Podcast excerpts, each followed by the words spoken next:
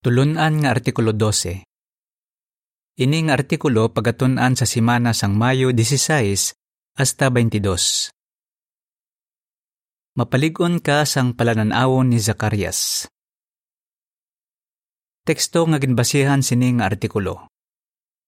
Paagi sa akon espiritu siling ni Jehova sa mga kasoldadusan.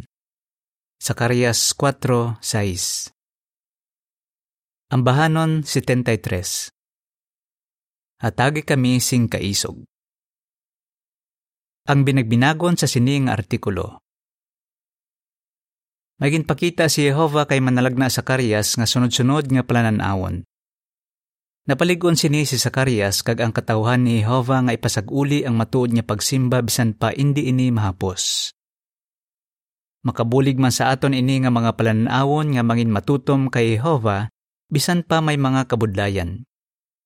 Sa sining artikulo, binagbinagon naton ang importante nga leksyon nga matun-an naton sa plananawon ni Zacarias parte sa isa ka kandilero kag mga kahoy nga olibo. Para po uno pamangkot. Nga nalipay ang nabihag nga mga Hudiyo. Nalipay gid ang mga Hudiyo. Gintandog ni Jehova nga Dios ang tagipusuon ni Hari Ciro sang Persya para hilwalayon niya ang mga Israelinhon nga nanginbihag sa Babylonia sa madamo nga tinuig. Ginpabalo sang hari nga pwede makabalik sa Jerusalem ang mga Hudiyo, kag tukuron liwat ang balay ni Jehova nga Diyos sang Israel. Esdras 1:1 kag 3. Makalilipay gid ini nga pahibalo. Kay man, masimba na liwat sa mga Hudiyo ang matuod nga Dios sa duta nga ginhatag niya sa ila. Para po dos, pamangkot. Ano dayon ang ginhimo sang nagbalik nga mga Hudiyo? Sang 537 BCE, nagabot ang pinakauna nga grupo sa mga bihag nga nagbalik sa Jerusalem nga amo ang kapital sang nabagatnan nga ginharian sang Huda. Ginsugdan dayon sini nga mga Hudiyo ang pagkayo sang templo. Kag sang 536 BCE, natapos nila ang pundasyon sini. Para po tres, pamangkot. Ano ang ginhimo sang mga nagapamatok sa mga Hudiyo? Sang ginsugdan sa mga Hudiyo ang pagkayo sang templo, madamo nga tawo ang nagpamatok sa ila. Ang mga katawan sa palibot padayon nga nagapaluya sang buot sang mga tagahuda, agud maguntat sila sa pagpatindog. Esdras 4:4 Mabudlay gid ini para sa mga Hudeyo pero mas nagbudlay pagid ang ila sitwasyon. Sang 522 BCE, si Artaherjes amo ang nanginhari sang Persya. Ang footnote nagasiling. Pagligad sang madamo nga tinuig, sang panahon ni gobernador Nehemias, may isa pa kahari nga Artaherjes man ang ngalan. Ginpakitaan sing kaayo sini nga hari ang mga Hudiyo.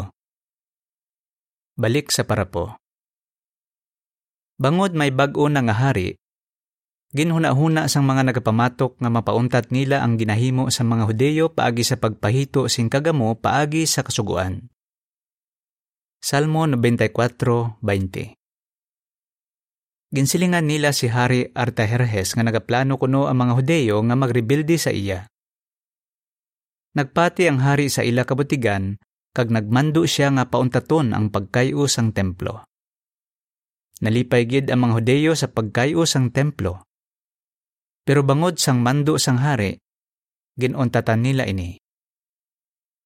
Para po 4, pamangkot. Ano ang ginihimo ni Jehova sang ginpauntat sang mga nagapamatok ang pagkayo sang templo? Gusto sa mga tawo nga wala nagasimba kay Jehova kag sang pila ka opisyal sang Persya nga pauntaton ang pagkayo sang templo. Pero gusto gid ni Jehova nga tapuson sa mga Hudeyo ang pagkayo sang templo kag nagakatuman gid permi ang iya katuyuan. Ang Isaiah 55:11 nagasiling. Amo man ang pulong nga nagagwa sa akon baba. Hindi ini magbalik sa akon nga wala sing katumanan, kundi tumanon sini ang akon luyag kag patod nga magamadinalagon ini sa ginsugo ko nga himuon sini. Ginpili niya si Sakarias nga mangin iya manalagna, kagin pakita niya sa iya ang walo kapalananawon. Dapat iniisugid ni Sakarias sa mga Hudeyo para mapaligon sila. Pagi sa sini nga mga palananawon, nahangpan sa mga Hudeyo nga hindi sila dapat mahadlok sa mga nagapamatok sa ila, kag napaligon sila nga padayon nga himuon ang ginsugo ni Jehova sa ila. Sa ikalima nga palananawon, nakita ni Sakarias ang isa ka kandelero kag duha ka kahoy nga olibo. Para po singko, pamangkot. Ano ang binagbinagon naton sa sini nga artikulo? May tiwan gid nga nagaluya ang aton buot. Gani makabulig sa aton ang pagbinagbinag sa ginhimo ni Jehova sang ginpaligon niya ang mga Israelinhon pagi sa ikalima nga palananawon ni Sakarias. Ang kahulugan sini nga palananawon makabulig sa aton nga mag-alagad sing matutom kay Jehova kon ginapamatukan kita, kon nagbago ang aton sitwasyon, kag kon makabaton kita sang panuytoy o kon instruksyon nga daw indi naton mahangpan. Kon ginapamatukan kita. Para po size, pamangkot. Paano nakahatag sang kaisog sa mga Hudeyo ang plananawon parte sa isa ka kandelero kag duha ka kahoy nga olibo nga mabasa sa Zacarias 4:1 hasta 3. Ang Zacarias 4:1 hasta 3 nagasiling. Nagbalik ang anghel nga nagpagigihambal sa akon kag ginpukaw ako. Daw nagapukaw siya sang isa nga nagakatulog. Ginpamangkot ni ako. Ano ang nakita mo? Nagsabat ako. Nakita ko ang isa ka kandelero nga puro nga bulawan kag may yahong sa ibabaw sini. May pito ka suga sa sini. Oo, pito. Kag ang mga suga may pito ka tubo nga nagaangot sa yahong. May duha ka kahoy nga olibo sa kilid sini. Ang isa sa tuo sang yahong, kag ang isa sa wala. Ang plananawon parte sa isa ka kandelero kag duha ka kahoy nga olibo amo ang naghatag sa mga Hudeyo sang kaisog para masarangan ang pagpamatok. Paano? Natalupangdan mo bala nga wala nagakaubsan sang lana ang kandelero? Nagapatubod sing lana ang duha ka kahoy nga olibo pakadto sa yahong. Dayon ang lana sa yahong nagailig pakadto sa pito ka suga sang kandelero. Bangod sini, wala nagakapatay ang kalayo sa mga suga. Namangkot si Sakarias. Ano ang butsilingon sini nga mga butang? Ang sabat sang anghel amo ang mensahe ni Jehova. Hindi paagi sa puwersa militar o kung sa gahom, kundi paagi sa akon espiritu. Siling ni Jehova sa mga kasoldadusan. Sakarias 4.4 kag 6 ang lana halin sa mga kahoy nagarepresentar sa gamhanan nga balaan nga espiritu ni Jehova nga indi gid maubos. Mas gamhanan ang balaan nga espiritu sang Dios sang sa tanan nga soldado sang imperyo sang Persya. Sa bulig ni Jehova, masarangan sa mga nagakayo sang templo ang bisan ano nga pagpamatok kag mahuman nila ini.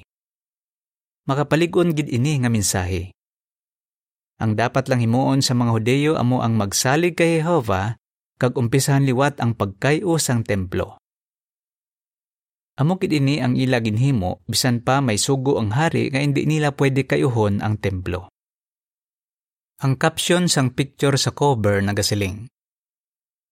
Nakakita si Zacarias sang isa ka palananawon parte sa duha ka kahoy nga olibo nga nagapatubod sing lana sa isa ka kandelero nga may pito ka suga para po siyete pamangkot. Ano nga pagbag-o ang natabo nga nakabulig sa mga nagakayo sang templo? May natabo nga pagbag-o nga nakabulig sa mga nagakayo sang templo. Ano ini? Nanginhari isang Persya si Dario I. Sa ikaduha nga tuig sang iya paggahom, sang 520 BCE, nadiskubrihan niya nga iligal ang sugo parte sa pagpauntat sang pagkayo sang templo. Gani ginsugo ni Dario ang mga Hudeyo nga tapuso nila ang pagkayo sang templo. Nakibot ang tanan sa desisyon sang hari. Pero may ginhimo pagid siya.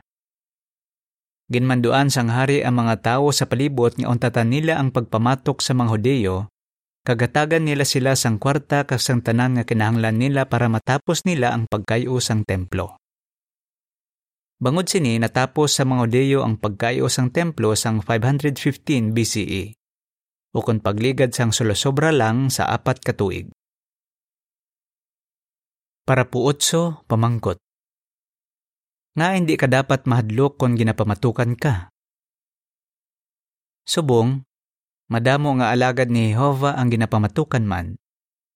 Halimbawa, may pila nga nagaistar sa mga pungsod nga ginadumilian ang aton hilikoton. Sa sini nga mga pungsod, posible maaristo ang mga kauturan kag dalhon sila sa atubangan sa mga gobernador kag mga hari kag makapanaksi sila sa ila. Mateo 10:17 kag 18. Kun kaysa, may pagbag-o sa gobyerno sini nga mga pungsod. Gani hilway na nga makaalagad kay Jehova ang aton mga kauturan. Kung posible nga pabor sa aton hilikoton ang desisyon nga himuon sang isa ka huwes nga wala siyang ginadampigan. Lain naman nga pagpamatok ang naeksperyensyahan sang iban nga mga saksi. Nagaistar sila sa pungsod nga hilway sila sa pagsimba kay Jehova pero ginapamatukan sila sang mga miyembro sang ila pamilya nga gusto gid nga pauntaton sila sa ila pag-alagad sa ila Dios. Sa masami, kon marealisar sa mga nagapamatok nga hindi nila mapauntat ang ila saksi nga paryente sa pag-alagad kay Jehova, nagauntat sila sa pagpamatok. May pila pa gani nga grabe gid ang pagpamatok sadto, pero nangin matutom nga saksi sang ulihi. Kon ginapamatukan ka, hindi maguntat sa pag-alagad kay Jehova. Mangin maisog. Ginabuligan ka ni Jehova pagi sa agamhanan nga balaan nga espiritu. Gani wala kasing dapat kahadlukan.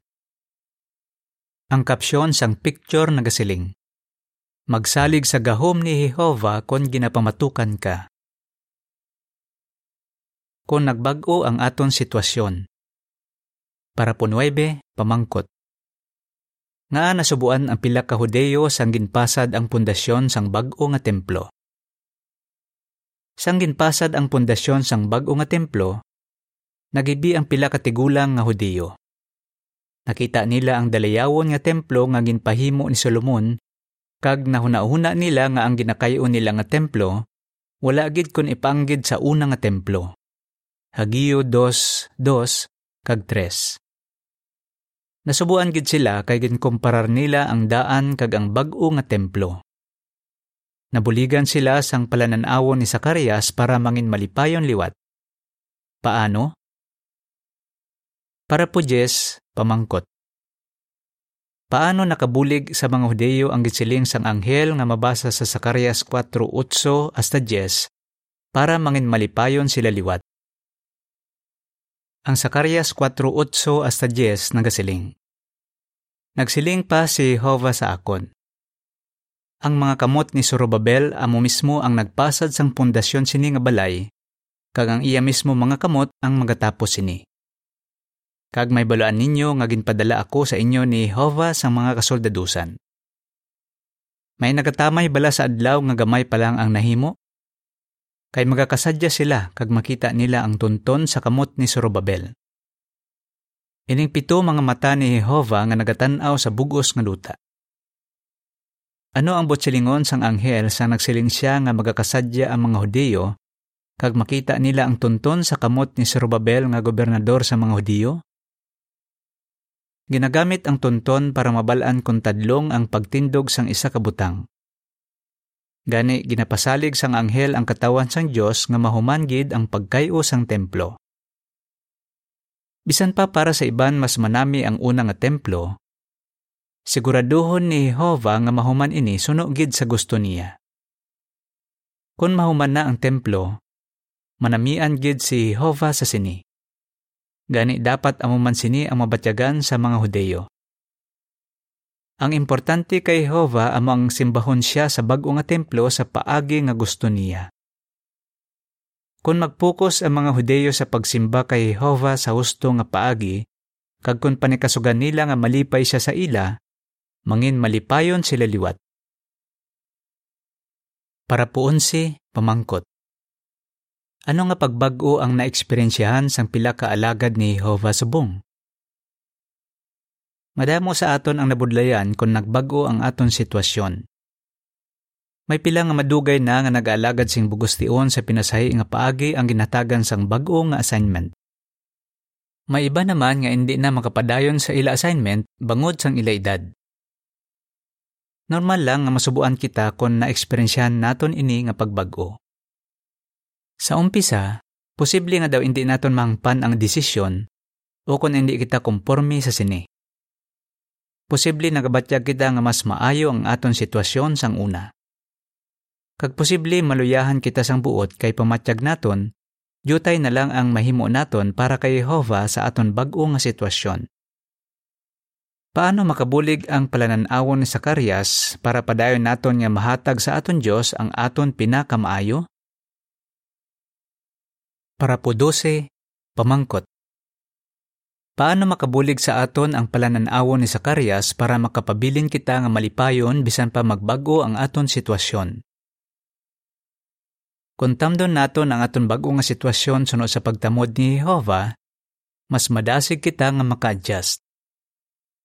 Dalayawon gid ang mga ginahimo niya sa aton tion subong, kag may pinasahi kita nga pribilehiyo nga magpangabudlay kaupod niya. Posible magbago ang aton mga assignment, pero hindi gid magbago ang gugma ni Jehova para sa aton. Gani kung naapektuhan ka sa mga pagbago sa organisasyon, likawi ang permi pagpaminsar kung nga ginhimo ini nga mga pagbago. Imbes nga paminsaron nga pareho lang kuntani sang una ang imo sitwasyon, mga muyo kay Jehova nga buligan ka nga makita ang maayo nga mga resulta sang pagbago. Manugwali 7, 10 Imbis nga paminsaron ang mga butang nga hindi mo na masarangan nga himuon, paminsara ang tanan nga butang nga masarangan mo pa nga himuon. Natunan naton sa plananawon ni Sakarias nga importante nga positibo permi ang aton panimuot. Gani makapabilin kita nga malipayon kag matutom bisan pa magbag-o ang aton sitwasyon. Ari ang patag sa picture nga gingamit para sa parapu 11 kag 12. Nagbago ang sitwasyon sang isa ka brother bangod sang iya edad kag pagmasakit. Pero nahangpan niya nga dapat siya mag-adjust sa sini. Ang caption sini nga picture nagasiling. Mangin positibo gihapon bisan pa nagbago ang imo sitwasyon.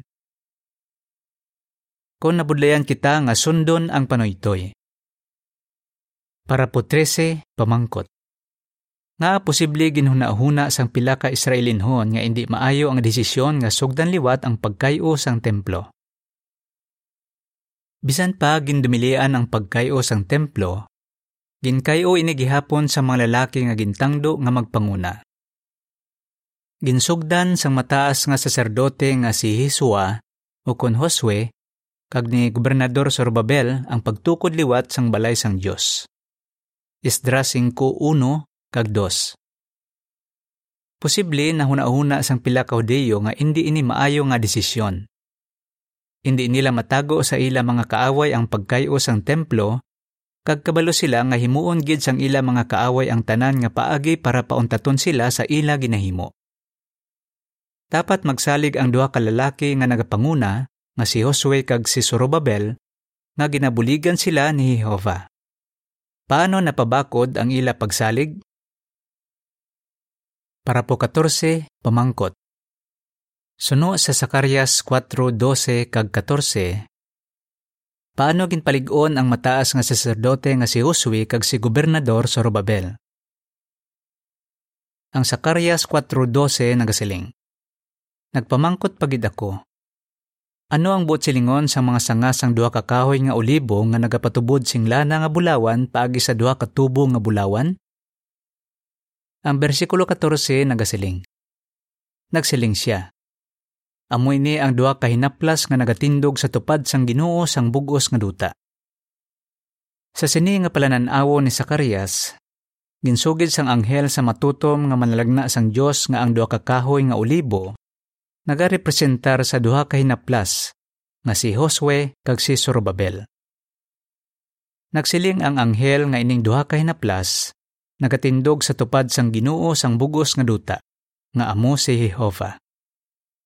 Ginapakita sini nga ginhatagan sila sang dako nga kadungganan kag may salig si Jehova sa ila. Gani bangot ginagamit ni Jehova ining duha ka lalaki para pangunahan ang mga Israelinhon, makasalig ang mga Israelinhon sa ila mga desisyon kag instruksyon. Para po 15, pamangkot. Paano naton mapakita nga ginapabaloran naton ang panoytoy ni Jehova halin sa iya pulong? Subong, padayon nga ginatuytuyan ni Jehova ang iya katawhan paagi sa iya pulong, ang Biblia. Sa sining sagradong libro, ginasugiran niya kita kung paano naton siya simbahon sa husto nga paagi. Paano naton mapakita nga ginapabaloran naton ang panoytoy halin sa pulong sang Dios? Paagi sa paghatag sang tion para basahon ini kag hangpon sing maayo. Pamangkuta ang imo kaugalingon. Kung nagabasa ako sang Biblia o kung sang aton mga publikasyon, nagauntat man bala ako para pamalandungan ang ako nabasa? Naga-research bala ako para mabalaan ko ang kaulugan sa mga kamatuoran sa Biblia nga mabudlay hangpon? O kung base, nagadali ako sa akon pagbasa Ikaduhang Pedro 3.16 Kung hatagan naton sang tion ang pagpamalandong sa mga ginatudlo ni Jehova sa aton, buligan kita sini nga matuman ang iya mga panuytoy kag mahimo ang pagbantala nga hilikoton. Para po 16, pamangkot. Kung daw hindi naton mahangpan ang panuytoy o kon instruksyon halin sa matutom kag minandamon nga ulipon, ano ang makabulig sa aton nga tumanon ini? Ginatuytoyan man kita ni Jehova paagi sa matutom kag may nandamon nga ulipon. Mateo 24:45. Kung kaisa, posible nga daw hindi naton mahangpan ang panuytoy o kon instruksyon sini nga ulipon. Halimbawa, kung makabaton kita sa mga instruksyon kung paano handaan ang mga kalamidad, posible ginahuna-huna naton nga hindi man ini matabo sa aton lugar. O kung base ng gabatyag kita nga sa siningtion sang pandemic, grabe gid ang paghalong sini nga ulipon nga daw hindi man kinahanglanon. Ano ang dapat naton himuon kung pamatyag naton daw hindi praktikal o kung hindi bagay sa sitwasyon ang mga instruksyon nga nabato naton? Pwede naton pamalandungan kung paano nakabinipisyo ang mga Israelinhon sang gintuman nila si Josue kag si Zorobabel. Pwede man naton pamalandungan ang mga kasaysayan sa Biblia nga nabasa naton. May mga tion nga nakabaton sang instruksyon ang katawan sang Dios nga daw hindi praktikal o kun hindi bagay sa sitwasyon. Pero amo ini ang nakaluwas sa ila. Ari ang patag sa picture nga gingamit para sa parapo 16. Ginapamalandungan sang isa ka sister kung paano ginabuligan ni Jehova ang matutom kag may nandamon nga ulipon pareho sa pagbulig niya sadto kay Josue kag kay Zorobabel. Ang caption sini nga picture nagasiling. Saligi ang panuytoy nga mabaton mo halin sa matutom kag mainandamon nga ulipon. Ang buot silingon sang palananawon ni Sakarias. Para po 17, pamangkot. Paano napaligon ang mga Hudeyo sang palananawon parte sa isa ka kandelero kag duha ka kahoy nga olibo? Malipot lang ay kalima nga palananawon ni Sakarias.